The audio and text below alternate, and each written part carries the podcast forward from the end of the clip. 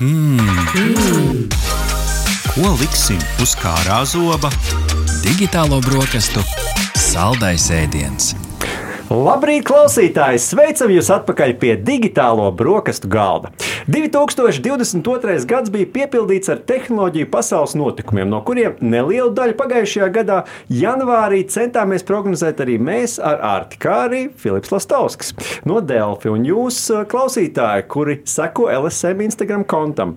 Šodien izvērtēsim, cik precīzi esam bijuši savās prognozēs par 2022. gadu, kā arī izteiksim savas prognozes par tehnoloģiju tehnoloģija attīstību 2023. gadā. Izvērtēt aizgājušo gadu un prognozēt 2023. gadu mums palīdzēs neviens cits kā Filips Lastovskis, Delfi galvenais redaktors. Labrīt, Filip! Sveiciens! Prieks tev atkal šeit redzēt tādu digitālo brokastu tradīciju. Mēs šogad noslēdzam tādu vairāku raidījumu ciklu, kurā mēs atskatījāmies uz aizvadīto gadu. To visi klausītāji varat atrast digitālo brokastu arhīvā un podkāstu platformās, noklausīties varat veselus piecus raidījumus par 22. gadu. Līdz ar to mēs šobrīd jau gudri, erudīti atskatīsimies pavisam īsi uz 22. un tad jau ieskatīsimies tajā kristāla bumbā, ko sauc par 2023. gadu tehnoloģijās. Taču nu, pirms tam, Filipa, mazajam ievadam, kas varbūt no tavas perspektīvas bija tie trīs būtiskākie tehnoloģiju pasaules notikumi 22. gadā?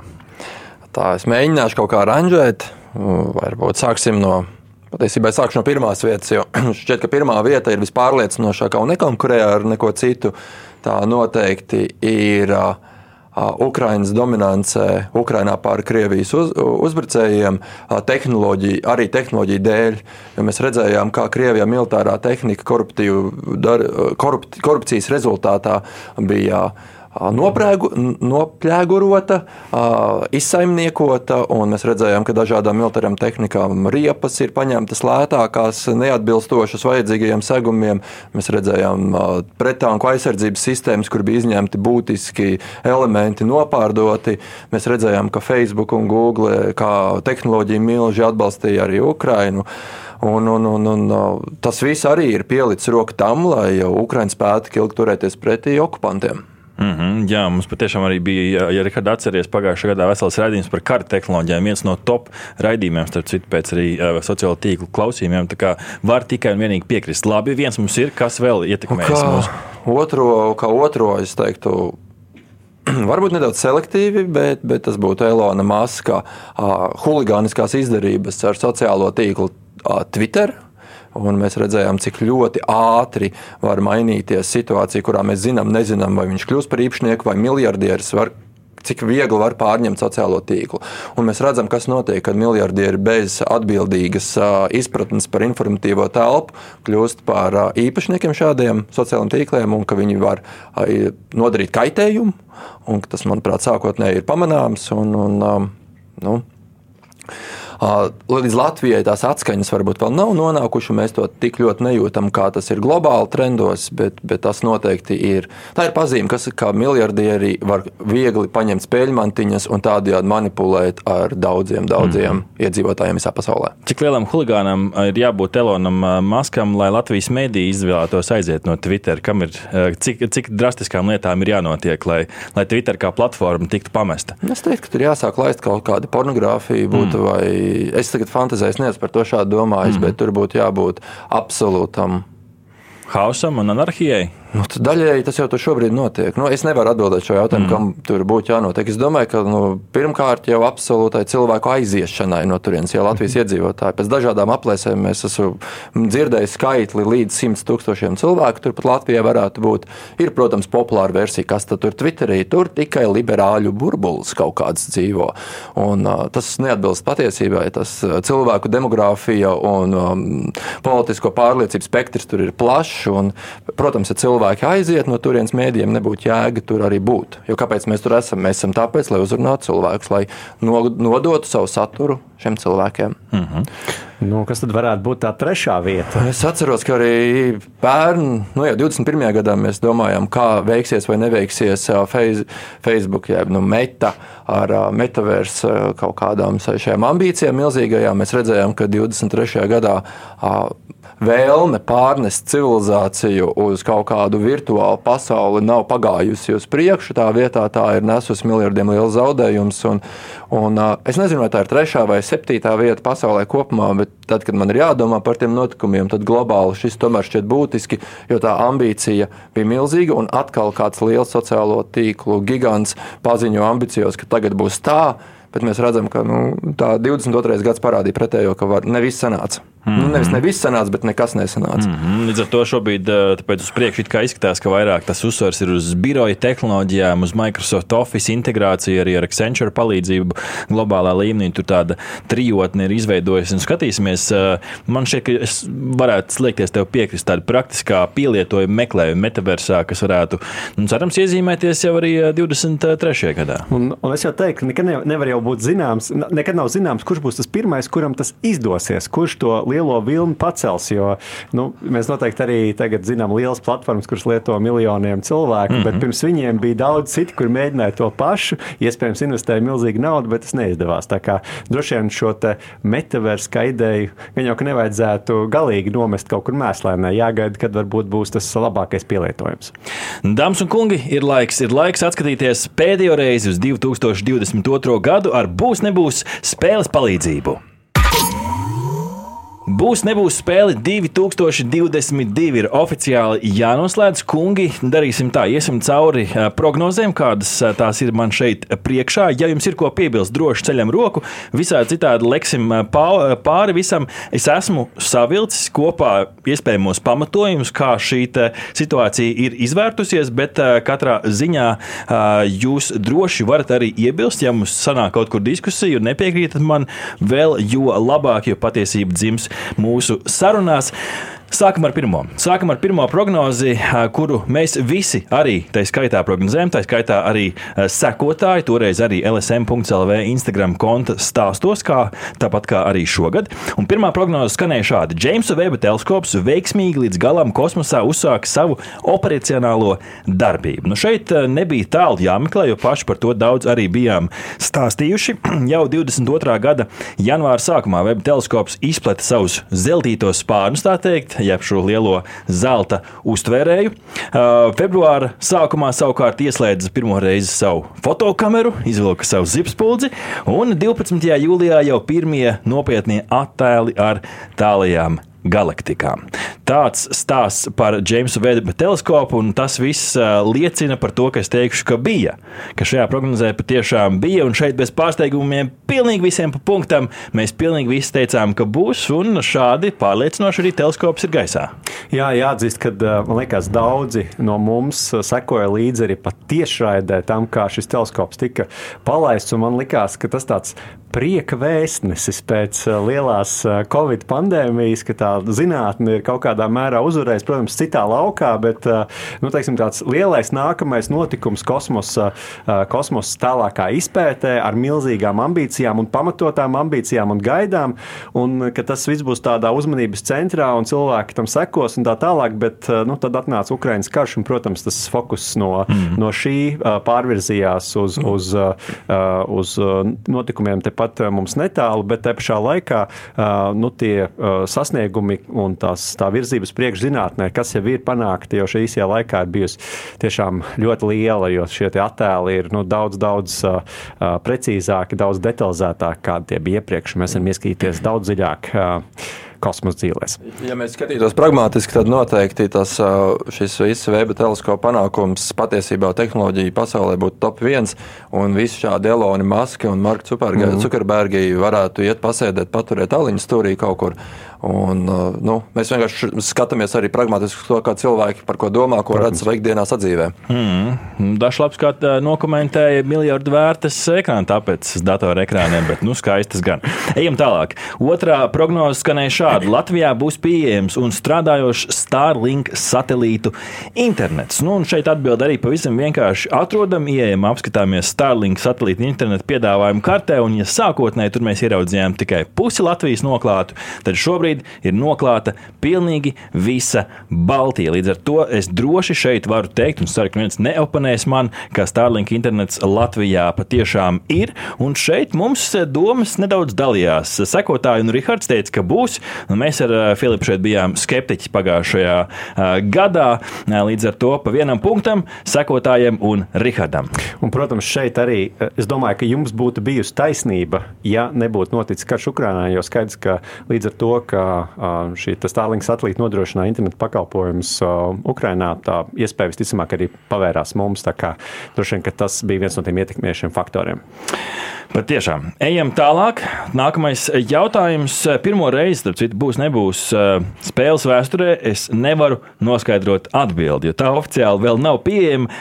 Reģistrēto vieglo elektroautorātu skaits Latvijā sasniegs 4 tūkstoši. Es oficiāli piezvanīju ceļu satiksmes drošības direkcijai, jo uh, atsevišķā lapā šī statistika tiek publicēta, un trešā ceturkšņa beigās Latvijā bija reģistrēti 3478 elektroautobīļi. Uh, pa aptuveni 500 tā, tā tendence bija, ka katru ceturksni šogad uzkāpa uz augšu, un es zvanīju un cerēju, ka kaut kur dziļākajā atvilknē ir kāds drafts, kāds melnraksts jauniem skaitlim, bet šie dati būs pieejami diemžēl tikai janvāra pašās beigās, tāpēc šobrīd es nevaru šo prognozi nekādā veidā noslēgt. Šeit nu, visur jāievelk ir strīpiņa, bet pozitīvi noskaņot bija sekotāji un Filips un arī Rihards. Es te vienīgais skeptiķis šajā, šajā jautājumā, bet laikam tas valsts atbalsts, Filip, ir izrādījies nosekošs. Pats arī domā par elektroautorātu iegādi.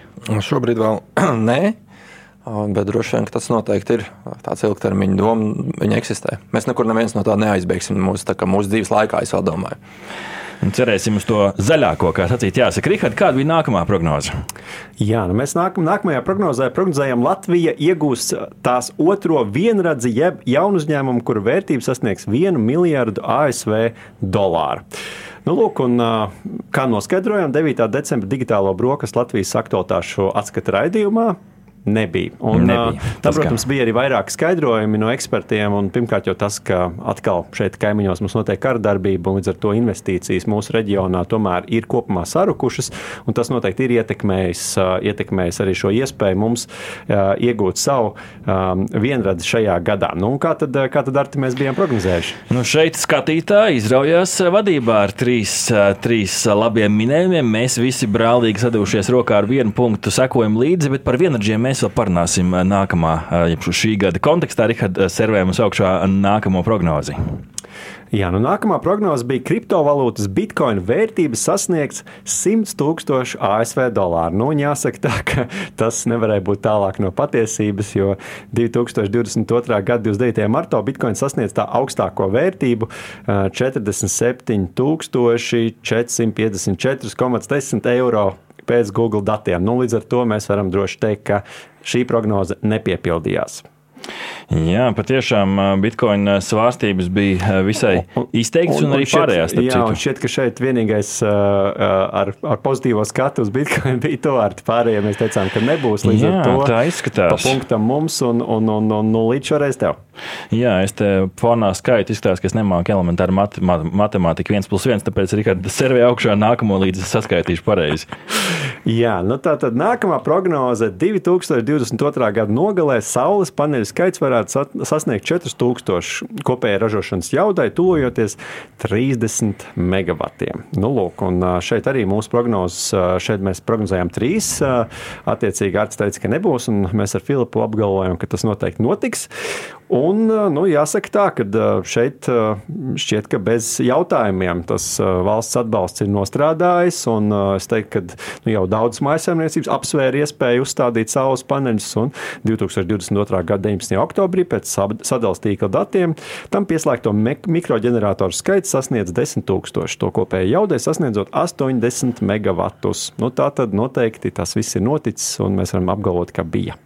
Filipa, hypes un tāds kaut kāds kopējais azartvilnis 22. gadā, vai tavuprāt, šai tendencei būs arī turpināties ar, ar šiem saules paneļiem? Vismaz nākamgad vēl turpināties. Noteikti arī šis gan valsts atbalsta programmas, gan kopējā informatīvā telpa, kas par šo skaidro daudz. Bet, protams, arvien publiskāks paliks jautājums, ka sadalījums tīkls, par ko viņi nemīl runāt, bet kā, nu, vai arī runā, bet ne pārāk bieži, ka nevar nemaz nodrošināt visiem iespējamību šo saules paneļus pielikt. Līdz ar to nav iespējama šobrīd situācija, kad visiem Latvijas iedzīvotājiem pēkšņi varētu būt saules paneļi. Līdz ar to tas, tas varētu izgaismoties precīzāk.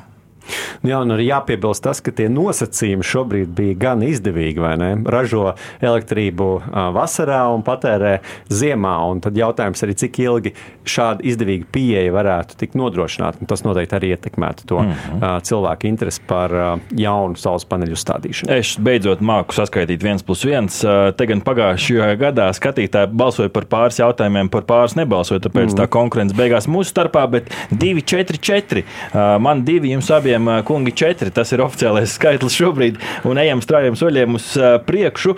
Kāds Latvijas mākslinieka digitālais mākslas darbs tiks notirgots kā NFT vismaz par pusmiljonu ASV dolāriem. Šeit es raku, es interesējos, es skatījos riņķī apkārt, atradu starp citu ļoti interesantu stāstu par tādu iespējams nu, skaļāko un ienesīgāko latviešu NFT mākslinieku Ilja Borisovu, kurš ir nopelnījis vairāk kā 8 miljonus miljonus eiro, bet nu, tur šobrīd ir krimināla procesa un skandāli un interesants stāsts, kurā varētu ieskatīties. Bet visas šīs tirniecības darbības nenotika gan 22. bet gan 21. Mm. gadā. Tāpēc nu, nācās skatīties iespējams uz tādu um, plašākai sabiedrībai zināmo uh, NFT ielu mākslinieku, ja tā varētu viņu šobrīd jau nodēvēt, Kivī.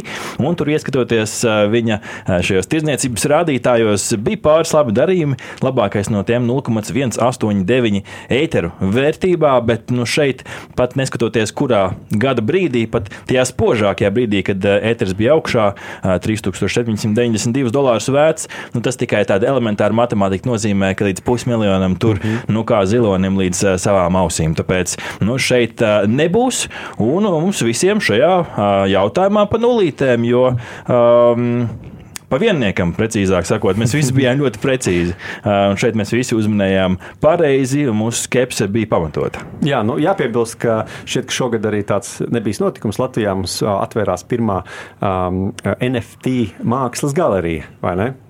Man šķiet, ka pat uh, viena noteikti, ja ne pat vairāk. Vairāks, tāds, jā, bet nu, katrā ziņā pirmo reizi šogad noteikti. Beidzot var ieraudzīt to, kas tik maz taustāms ir, vai ne, šajā brīdī. Būtu interesanti paprasīt, kāda viņiem ir apmeklējums, jo ejot garām, tur nekad neviena nav.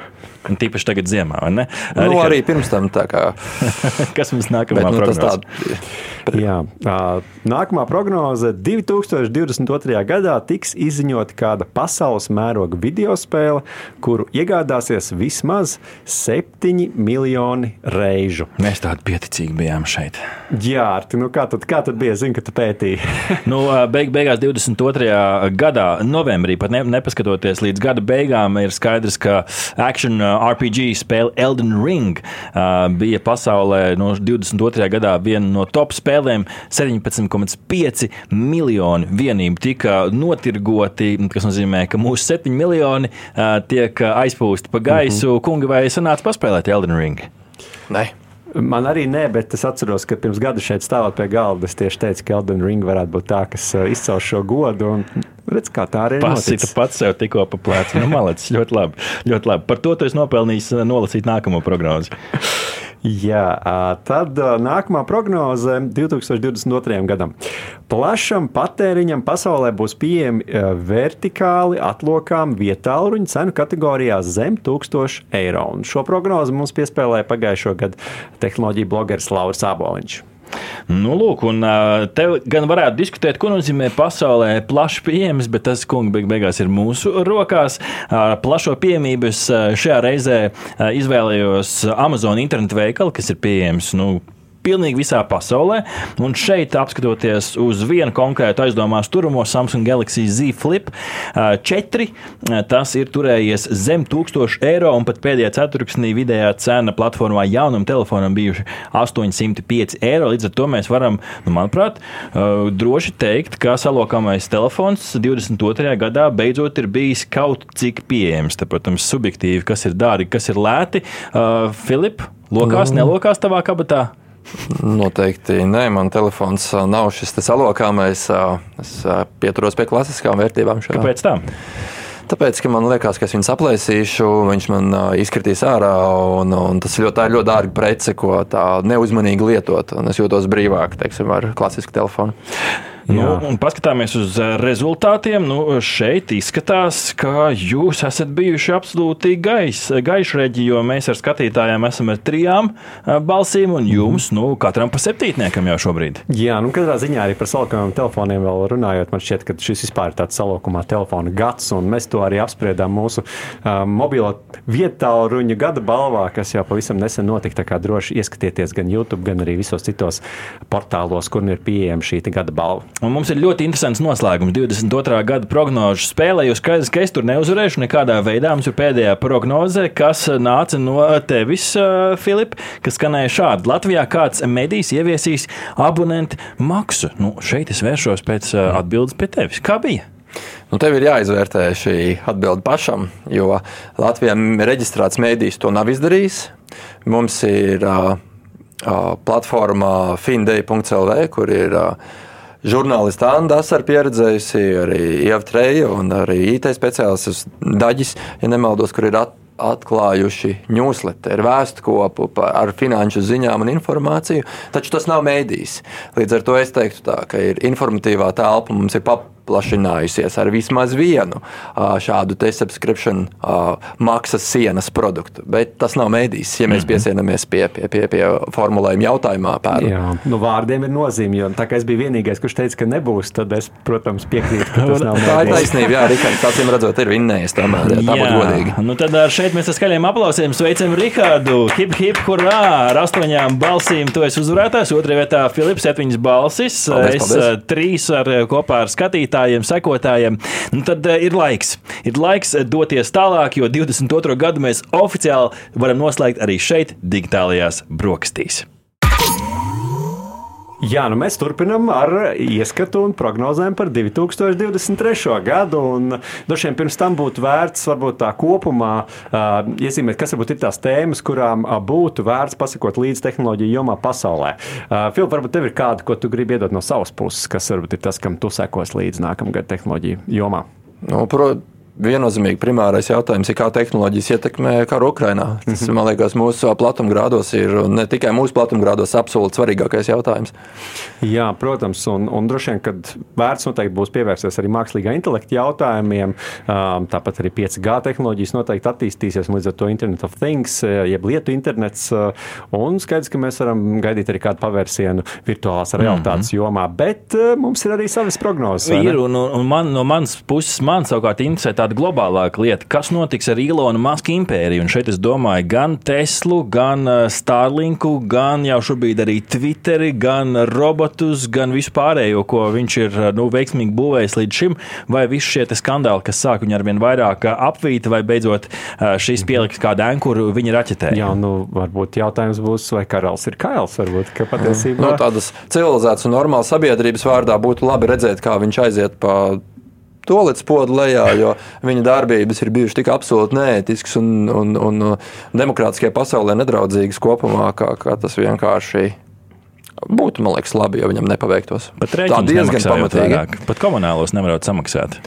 Nē, nu mēs, protams, varētu mēģināt aizstāvēt un runāt man pretī un teikt, pagaidiet, pagaidiet, cik daudz cilvēku viņš nodarbina un cik daudz ģimenes tiek pabarots ar, ar, ar, ar jā, bet sorry, arī Krievijā diktators baro ģimenes, vai cik labi. Nu, nesalīdzināsim Maskvu ar, ar, ar Putinu, teiksim, bet nu, viņa uzvedības tendences ir ļoti stipri autoritīvas. Mm -hmm. Un, uh, mums visiem ir viedoklis, un mēs to visi varam paust. Jo šogad skatītāji savu viedokli par šiem jautājumiem, kurus mēs prognozēsim, varēja jau izteikt, un vēl varēs izteikt visa mēneša garumā līdz pat janvāra beigām, kad mēs varbūt uztaisīsim tādu kopējo skatītāju kopsavilkumu. Taču līdz šim, līdz raidījumam, to jūs varējāt darīt LSM.CLV Instagram konta stāstos. Un turpmāk, līdz pat janvāra beigām, jūs to varēsiet darīt speciālā Latvijas radio platformā, kur jūs varat atrast, ierakstot pavisam vienkāršu adresi. Tad šī saīsinājuma adrese ej.uz, tad rakstam slīpsvītru, un tad būs, nebūs spēle. Šie trīs vārdi kopā - ej.uz, uz, slīpsvītra, būs, nebūs spēle. Šeit jūs varat atbildēt uz visiem jautājumiem, kurus mēs šodien apspriedīsim. Tas links kaut kur pieejams ir? Tas būs pieejams arī tā skaitā Latvijas radio sociālajos tīklos, tā kā šo mēs visu nopublicēsim. Jā, jau es aizmirsu jau tagad, ko tu teici. Nevienu, tur būs kaut kas par būs un nebūs. Būs, ja? nebūs. Tieši tā, būs, nebūs spēle, par to mēs arī iesim uz priekšu. Šie ir maģiskie vārdi, kur tev, Filip, ir jāatcerās. Neaizmirsti tos, jo Rihards mums servēs pirmo šī gada prognozi. Jā, nu, pirmā prognoze mums iesūtīja Ieva Siliņa, arī Radio Naba raidījuma zinātnes vārdā autora un arī padomniece ekonomikas ministrē. Jā, un tā ir par mākslīgo intelektu. Un šī prognoze skan, Krievija, Irāna, Baltkrievija, Izraela vai Ķīna izmantos dziļviltojumu tehnoloģiju kā ieroci, lai uzbruktu kādam no saviem politiskajiem ienaidniekiem. Nu, tad uh, pati Ieva saka, ka tā varētu notikt. Uh, nu, kādas ir jūsu domas? Nu, man šķiet, ka tas ir ļoti realistiski, ņemot vērā tehnoloģiju strauju attīstību. Ja mēs šobrīd jau paskatāmies uz tiem rīkiem, kas mums ir pieejami, tad nu, OpenAI mākslīgā intelekta programmatūra var uzģenerēt veselus jau tekstus pati no sevis vienkārši pēc viena teikuma pieprasījuma. Pats pagājušajā gadā iekustināja, izmēģināja DID, Izraēlas radītu mākslīgā intelekta platformu, kas savukārt šo te tekstu paņēma kopā, salika ar manu bildi, uztaisīja, uzģenerēja tekstu, spīķi, jeb runu, un pēc tam arī beigās kustējās pociski mana seja.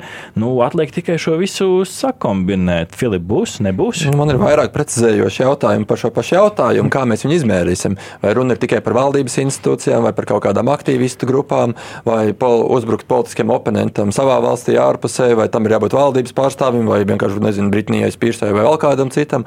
Uh, nu, es teikšu jā, jo tas vienkārši ir, tad es varēšu nākamgad teikt, ka, hei, rekur uzbruk, dodiet man punktu. Operacionalizējam, operacionalizējam. Tātad tad uh, sakam, ka tā ir valsts, ja, kura uzbrūk uh, kādas otras valsts, uh, droši vien nu, valdības vai, vai parlamentu pārstāvim, tātad, vai arī vēlēšanu kandidātam, piemēram. Volkovs skaitītos? Tas, kas mums bija notika ar uh, saimnes uh, mūsu komisijas grupu ārlietu? Nu, iespējams, ka jā.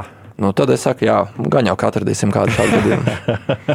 nu, es šeit kā ne politologs galīgi stāvēšu malā, nekā SZF eh, cilvēks. Tāpēc eh, es eh, šeit piekritīšu šim un teikšu, ka būs. Filips, no tevis, ka būs. Jā, jā es arī saku, ka būs. Man liekas, ka nu, jā, tam lielam skandālam ir jānotiek šogad, iespējams, saistībā ar šo. Un te galvenais cilvēkiem ir jāpasaka, ka patiesībā uz jebkuru video materiālu šobrīd jau jāskatās ar, ar nelielām aizdomām, vismaz vai skeptiski, jo skaidrs, ka šī dziļviltojuma tehnoloģija ļauj radīt ļoti realistiskus video, nu, kas var kādam likt noticēt, ka konkrēts nu, cilvēks tiešām kaut ko domā. Velti mums manis iepriekš piesauktā Britnijas Pīrs šobrīd ir viens no šiem Tieši aktuāliem tā. tematiem, vai viņa Instagramā tā ir viņa, vai arī viņa atkal ir pazudusi un, un viņas vietā ir kāds cits.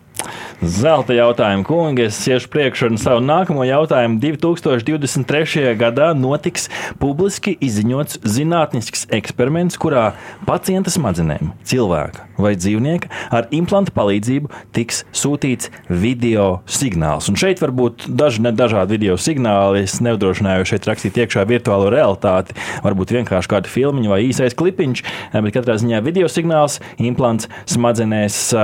Un nu, šeit iespējams, ka tuvākais tāds nu, iespējamais vaininieks pie šī eksperimenta varētu būt iepriekš pieminētais Ilons Masks ar Neuralink, kura nu, teikt, cilvēka testēšanai viņš ir pieteicis vēlmi, licenci. Vēl līdz galam nav skaidrs, būs vai nebūs, bet tāds ir jautājums. Mums, cik, mēs jau iepriekš esam ziņojuši, piemēram, Kalifornijas San Francisco Universitātes pētījumā, kur ar smadzeņu implantu palīdzību vīrietim ar runas traucējumiem izdevās ar domu palīdzību sazināties caur speciālu datoru interfeisu. Tā kā nu, ne tikai viņi darbojas šajā lauciņā, protams.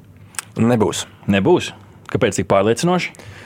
Tas nav pārliecinoši, es, protams, neesmu zinātnieks. Es, es teiktu, tā, ka cik es pētīju publiskajā telpā, kas par šo ir pieejams, tad uzsvars lielāks šobrīd ir uz skaņu. Mm -hmm. Un mums tur vēl ir primāri jāmēģina atrast veidus, kā samazināt cenas pakalpojumu, lai mēs varētu nodrošināt cilvēkiem dzirdes, dzirdes traucējumiem.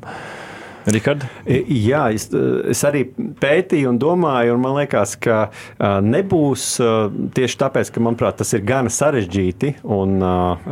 Es baidos, ka tiešām jāsāk ar kaut kādu vēl, vēl vienkāršāku risinājumu, kurš tiešām labi izdodas. Nu, tad ķersimies pie video. Šeit mēs ejam pretī tam, ko ir beidzot teikuši mūsu sekotāji LSM Instagram kontā. Ja par pirmo viņi nebalsoja, tad par šo viņi jau balsoja. Un šeit ar 55 gan, bet procentiem vairāk vairākums eh, teica, ka būs. Un varbūt tas eh, Ilona Maskā pērtiķīša sapnis ir eh, spilgt iespiedies cilvēku mm -hmm. atmiņās. Tā kā mums visiem nebūs, skatītājs saka, ka būs. Rihard, kas mums ir nākamais? Jā, nākamā prognoze ir saistīta ar kriptovalūtām. Nu, šeit, protams, jāsaka, ka šis nav nekādā mērā investīcija padoms. Mm -hmm. Lūdzu, ņemiet šo ar šķipsniņu sāls. Nu, tad šī prognoze ir Bitcoin 2023. gadā būs labāka atdeve nekā Standard Poor's 500 indeksam. Un šo mums ir iesūtījis kriptovalūtu entuziasts Kristaps Mors. Mums pāris prognozes ir pašu, vairākums šogad ir iesūtītas. Paļaujamies uz citu ekspertu Jā. uh, prognozēm. Un klausītājiem noteikti jāpaskatās jāskaidro, ka Standard Poor's 500 saīsinājums attiecīgi jā, Standard Poor's 500 ir Amerikas Savienotajās valstīs nu, tāds akciju tirgus indeks, kas sastāv no 500 vietējiem uzņēmumiem un to akcijām attiecīgi. Un, daudz investoru to uzskata par tādu labāko kopējo Amerikas akciju tirgus darbības rādītāju. Nu, Tātad mēs savā ziņā prognozējam, vai Bitcoinam veiksies labāk nekā ASV lielajiem uzņēmumiem. Kā tev šķiet, Filip? Nu, man vispirms jau sāk trīcēt roka, bišķiņi izdzirdot, ka jūs to saucat bitkoinu par kriptovalūtu. Tā nav valūta, tas ir kriptoaktīvs. Mm. Mēs mhm. vienkārši maldinām cilvēkus, ka tā ir valūta, tā nav nekāda valūta. Es teiktu, ka nē, ka es uzticēšos šim tradicionālajam jau iepriekš indeksam. Atklāts, es, saki? Jā. Es saku, ka, ka nebūs. Es saku, ka nebūs, jo nu, pārāk zem nokritis, un es neredzu to iemeslu, kāpēc uzkāps. Jo Ilons Masks arī tā skaitā vairs nav labais puika, pozitīvs tēls. Tāpēc nu, šeit diez vai viņa tvīti palīdzēs Bitcoinam. Rihard, kā tu saki, vai tu piekritīsi mums un sekotājiem, kur arī teica, ka nebūs? Es eh, gribu jums piekrist, jo, godīgi sakot, es biju diezgan, diezgan, diezgan skeptiķis eh, attiecībā uz kriptovalūtām. Es cerēju, ka kāds no jums, kā saka, līdzīgi kārtas pagājušajā gadā, tomēr iestāsies par to, ka eh, arī, arī šīm kriptoaktīviem varētu veikties. Mm -hmm. Bet, nu, jā, es arī būšu šoreiz skeptiķis. Domāju, ka neveiksies labāk. Labi, skatīsimies, kā mums veiksies nākamajā, ceturtajā, ko prognozu, ko uzsvervēju es par kosmosa tēmu.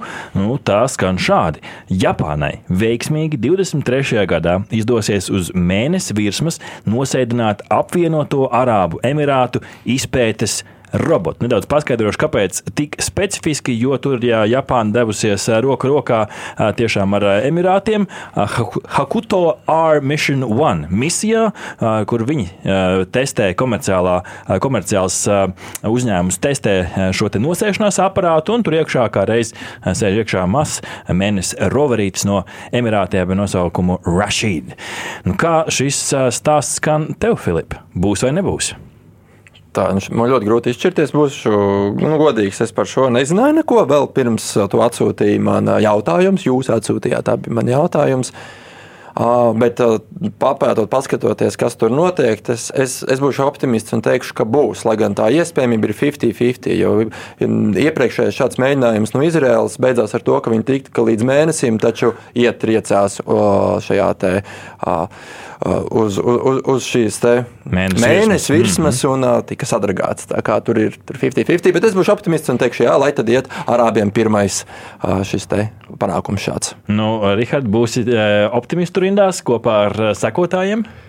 Es būšu optimists, un tas balstās 2021. gada pieredzē, kad uh, trīs valsts mēģināja nosēdināt savus robotus uz Marsa virsmas, un Mars ir bijis tālāk nekā mēnesis. Toreiz arī apvienotā Arābu Emirātu zonde Hope iegāja Marsa orbītā 9. februārī. Protams, viņi nenosēdās, bet uh, viņi iegāja orbītā, un tur viss izdevās veiksmīgi.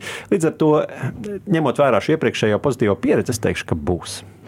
Laiks nākamajai prognozei. Tad, Arti, ko tu pats teici? Es, es arī esmu optimists. Mm -hmm. Es arī saku, ka būs. Bet laiks nākamajai prognozei, kur mums ir iesūtījis Anna Aser no portāla Lamps of Latvia. Klausāmies! 2023. gadā Latvija tiks pie diviem ienridžiem - jaunu uzņēmumiem, kur vērtība investīciju piesaistes ziņā pārsniedz 1 miljardu dolāru. Šobrīd Latvijā tāds ir viens, Printful, savukārt Igaunijā tādi jau ir desmit, Lietuvā divi. Tāpēc arī pie mums tiek gaidīta vienradžu raža. 2021. un 2022. gadā Latvijā bija vairāk vērienīgi investīciju darījumi, un spriežot pēc tā, kā notiek attīstība jaunu uzņēmumu vidē, parasti lielām investīcijām seko vēl lielākas, un tad parasti kāds no šiem jaunu uzņēmumiem iekāpj vienradžu statusā. Tāpēc šogad ir liels cerības sagaidīt nākamos vienradžus. Kungi, vai piekritīsim dāmai? Es konkrēti saku, ka tomēr nebūs. Kaut arī 51% sekotāji teica, ka būs. Rihard, būs vai nebūs? Es arī saku, ka nebūs. Karš turpinās, un nu, tas kavē investīcijas mūsu reģionā. Ja vien mēs nenāksim klajā ar kaut ko, varbūt, kas var tieši saistībā ar aizsardzības tehnoloģijām būt. Mm -hmm. Es teiktu, ka jaunu uzņēmums nebūs, bet šeit ir jautājums, ka tradicionāls uzņēmums no Latvijas gan varētu būt. Jau. Mēs esam redzam, ka prognozes kokrūpniecībā ir, ir, ir optimistisks, un arī iepriekšējais mūsu gads bija vienkārši viņiem tāds kā raķetes šāviens gaisā. Būs interesanti paskatīties arī šajā kontekstā, pierakstīsim šo komentāru paši sev un raitējam uz priekšu Rihardu uzsverēm uz uh, sesto prognozi. Jā, nu sastāvā prognoze ir par video spēlēm. Un, uh, tad, tad uh, jautājums ir šāds. Video spēle Hogwarts Legacy iegūs Game of the Year apbalvojumu The Game Awards 2023 ceremonijā. Un to mums ir uh, atsūtījis mūsu pašu kolēģis no Latvijas radio 5, 5. līmeņa Artis Ozols. Uh, Filip, es zinu, ka tu esi gan video spēļu, gan Harry Potter cienītājs. Kā būs? Jā, man patīk Harry Potter gan grāmatas, gan filmas, bet uh, spēles ir spēlētas tikai ļoti, ļoti sen. Uh, es teiktu, ka viņi nedabūs to balvu, jo visi tie skandāli, kas iet ap Rowlingas šo nu, teiksim, izteikumiem par, par, par transgender sabiedrību. Un, un, un, un tur šobrīd ir saruna arī par, par šiem gobliniem, kuri tiek mm -hmm. vilkts paralēls ar ebrejiem. Tas savelksies viss kopā pudeles kaklā un tomēr neļaus, manuprāt. Nu, Rihards, viss kārtas tavās rokās. Jā, nu, tas nebūs baigi interesants. Man šķiet, ka tomēr, lai arī ļoti populāra franšīze, šī tomēr nav tik milzīgi kā, piemēram, zvaigžņu kāri. Man tā vismaz šķiet, un, un līdz ar to es neticu, ka šāda, šāda lai arī populāra spēle iegūs šo pirmo vietu. Līdz ar to es saku, nebūs. Mm -hmm. Cyberpunk, Dune, Death Stranding 2 vai pat Starfield. Man šķiet, ka jebkur no šīm spēlēm izkonkurēs šo. Ļoti gaidu, jā. Tāpēc arī es saku, ka nebūs, un Rihardējam tālāk uz nākamo prognoziju. Jā, nākamā prognoze mums ir saistīta ar viedierīcēm. Šo prognozi mums ir iesūtījis YouTube satura veidotājs Lauris Konsumer Avoliņš. Viņš saka, ka Google 2023. gadā izziņos savu pirmo salokāmo vietālu. Mm -hmm. Vai šis būs salokāmo vietālu gads, Filip? Uh, jā, būs. Būs, būs. būs. Beidzot, mm. beidzot, beidzot mm -hmm. nu, kā nekā četri gadi jau visi ir lokā, vai ne? Bet, uh, izziņos vai būs pieejams? Nu, kā mēs šeit uh, nodefinējam, izziņos. izziņos tad uh, parādīs uh, kaut ko realistisku, nevis kādu uzģenerētu, renderētu bildi. Tā kā šobrīd nekā nav pataustīt, noscīt, nu, tā kā kādā super izstādē specifiskā. Nu, ne, vai arī redzēt konkrētu bildi ar uzņēmuma publicitātes materiāliem, ka šeit tāds mm. būs. Jā, jā. Nu, okay, nu, ja šādi, tad es saku arī, ka būs. Tu jā. saki, ka būs? Jā. Nu, kas man cits atliek? Mēs visi šeit sakam, ka būs tā skaitā. Mēs tiešām esam garlaicīgi. tā skaitā arī sekotāji. Mēs vienkārši mācāmies viens no otra, lai mēs maksimāli piesardzīgi spēlētu. Bet nākamais jautājums iespējams būs tas, kurš pamainīs mūsu domas, un to mums servē neviens cits kā Kirillis Solovjovs no drošības uzņēmuma Possible Security. Klausāmies! 2023. gada laikā kāds no lielajiem identitātes nodrošinātājiem - Azure, Google, Facebook vai kaut vai Twitter pilnībā atteiksies no paroļu kā autentifikācijas līdzekļu piedāvāšanas saviem lietotājiem par labu FIDO2 certificētām alternatīvām. Šobrīd mēs, protams, pamatā izmantojam paroles. Tam ir vairāki iemesli. Pirmkārt, pārnesamība un sadarbspēja, kas nozīmē, ka mēs savu paroli varam izmantot dažādās ierīcēs, gan telefonā, gan datorā un vēl šur tur. Otrakārt, sadarība. Tas nozīmē, ka jebkurš portāls, mājaslapa un citas sistēmas ņems pretī no mums paroli kā līdzekli, kas pierāda mūsu identitāti. Fido 2 ir dažus gadus veca tehnoloģijas jaunāka versija. Un tas paredz, ka mēs izmantojam plaši pieejamas ierīces, kas ir mūsu rīcībā, lai pierādītu savu identitāti. Tā varētu būt EID karte ar PIN kodu, USB ievietot atslēga vai pirkstu nospiedumu lasītājs. Galvenais bonus Fido 2 ir tas, ka šī tehnoloģija oficiāli atbalsta passwordless autentifikāciju, jeb autentifikāciju bez paroles. Bet vai šī prognoze piepildīsies? Lai gan paroles jau sen sagādā galvas sāpes lietotājiem un drošības ekspertiem, jo tās mēdz noplūst, kad tiek uzlauzta datubāze, vai arī ļaunie hakeri var piemānīt lietotāju un izvilināt no viņa šo paroli. Tomēr ir maz ticams, ka mēs sagaidīsim paroļu nāvi vēl šogad. Tā vietā mēs noteikti redzēsim kādu jaunu FIDO 2 ierīci. Un iespējams, varēsim vērot strauju tās popularitātes pieaugumu, kas ir priekšnosacījums, lai šajā gada desmitā tiešām sagaidītu masveida atteikšanos no parolēm kā autentifikācijas līdzekļa. Filip, cik drosmīgs esi tu, vai mēs beidzot atteiksimies no parolēm par labu kādam citām autentifikācijas rīkam, kādā no šiem lielajiem pieminētiem servisiem? Elonas Masks ir gatavs šādu risku uzņemties.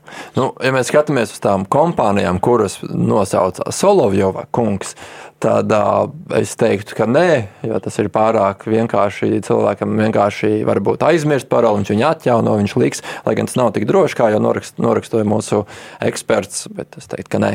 Nebūs, un Rihard, kā tu saki? Es teikšu, ka nebūs. Tomēr cilvēku paradums grūti mainīt. Ejam straujam soļiem tālāk, pēdējās minūtēs viena tāda vieglāka rakstura prognoze no YouTube satura veidotāja Edgars Fresh, kurš mums servē šādu prognozi Tesla 2023. gadā beidzot saražos un piegādās pirmās simts Cybertruck automašīnas. Kā saka mūsu uh, sekotāji, sekotāji saka, ka būs, es saku, ka nebūs. Man šķiet, ka tas lielā impērija ir pārāk nestabila. Rihard, ko tu saki? Es saku, nebūs, jo, arī. jo iespējams, ka arī nu, būs vienkārši arī varbūt kara dēļ vai kā būs iztrūkums no tehnoloģijām, un iespējams vienkārši šim nepietiks mm -hmm. resursu. Filipa, vai Kantai nekluči brauks? Nē, nebrauks. nebūs. Ne. Viņi jau šobrīd soli gadu nogalēja tikai, un, un tas neieskaitot kaut kādas pārāvumus, problēmas, kas tur tikai mm. tā kā nē. Nu, un tad desmitā prognoze arī no eh, šīs te Ilona Maska impērijas. Tesla arī 23. gadā turpinās attīstīt cilvēku veidīgo robotu, un pasākumā OpenAI prezentēs tā progresu. To viņi darījuši pēdējos divus gadus, vai arī trešajā gadā būs. Rihard, kā tev šķiet? Uh. Grūti pateikt. Es teikšu, ka būs. Tu saki, ka būs. Tev piekrīt arī sekotāji. Es esmu joprojām skeptiskais. Filips, kā ar tevi? Es arī teikšu, nē. Tu arī būsi skeptiskais. Mm -hmm. Nu, redzēs, ko mums uzsvervēs pēdējais prognozes autors Emīls Stjunikovs no medicīnas tehnoloģiju jaunu uzņēmuma Long Genesis. Klausāmies! Plašāka iespēja saņemt telemedicīnas pakalpojumus un pieņemt lēmumus balstoties uz datiem. Būs vai nebūs? Veselības aprūpei ir nepieciešama risinājuma, kas būtiski uzlabo pacienta ceļu un atbalsta veselības aprūpes profesionāļus. Lai to panāktu, viens nav cīnītājs. Ir nepieciešams dialogs, kur pacients roku rokā iet kopīgu ceļu ar veselības nozares profesionāļiem. Šo dialogu var stiprināt dati un arī risinājumi, kas nodrošina pieejamību pakalpojumiem, kā arī pacienta iesaisti, sakot ar ikdienas veselības stāvokļa novērošanu un prevenciju, gan arī ārstēšanas pāraudzību.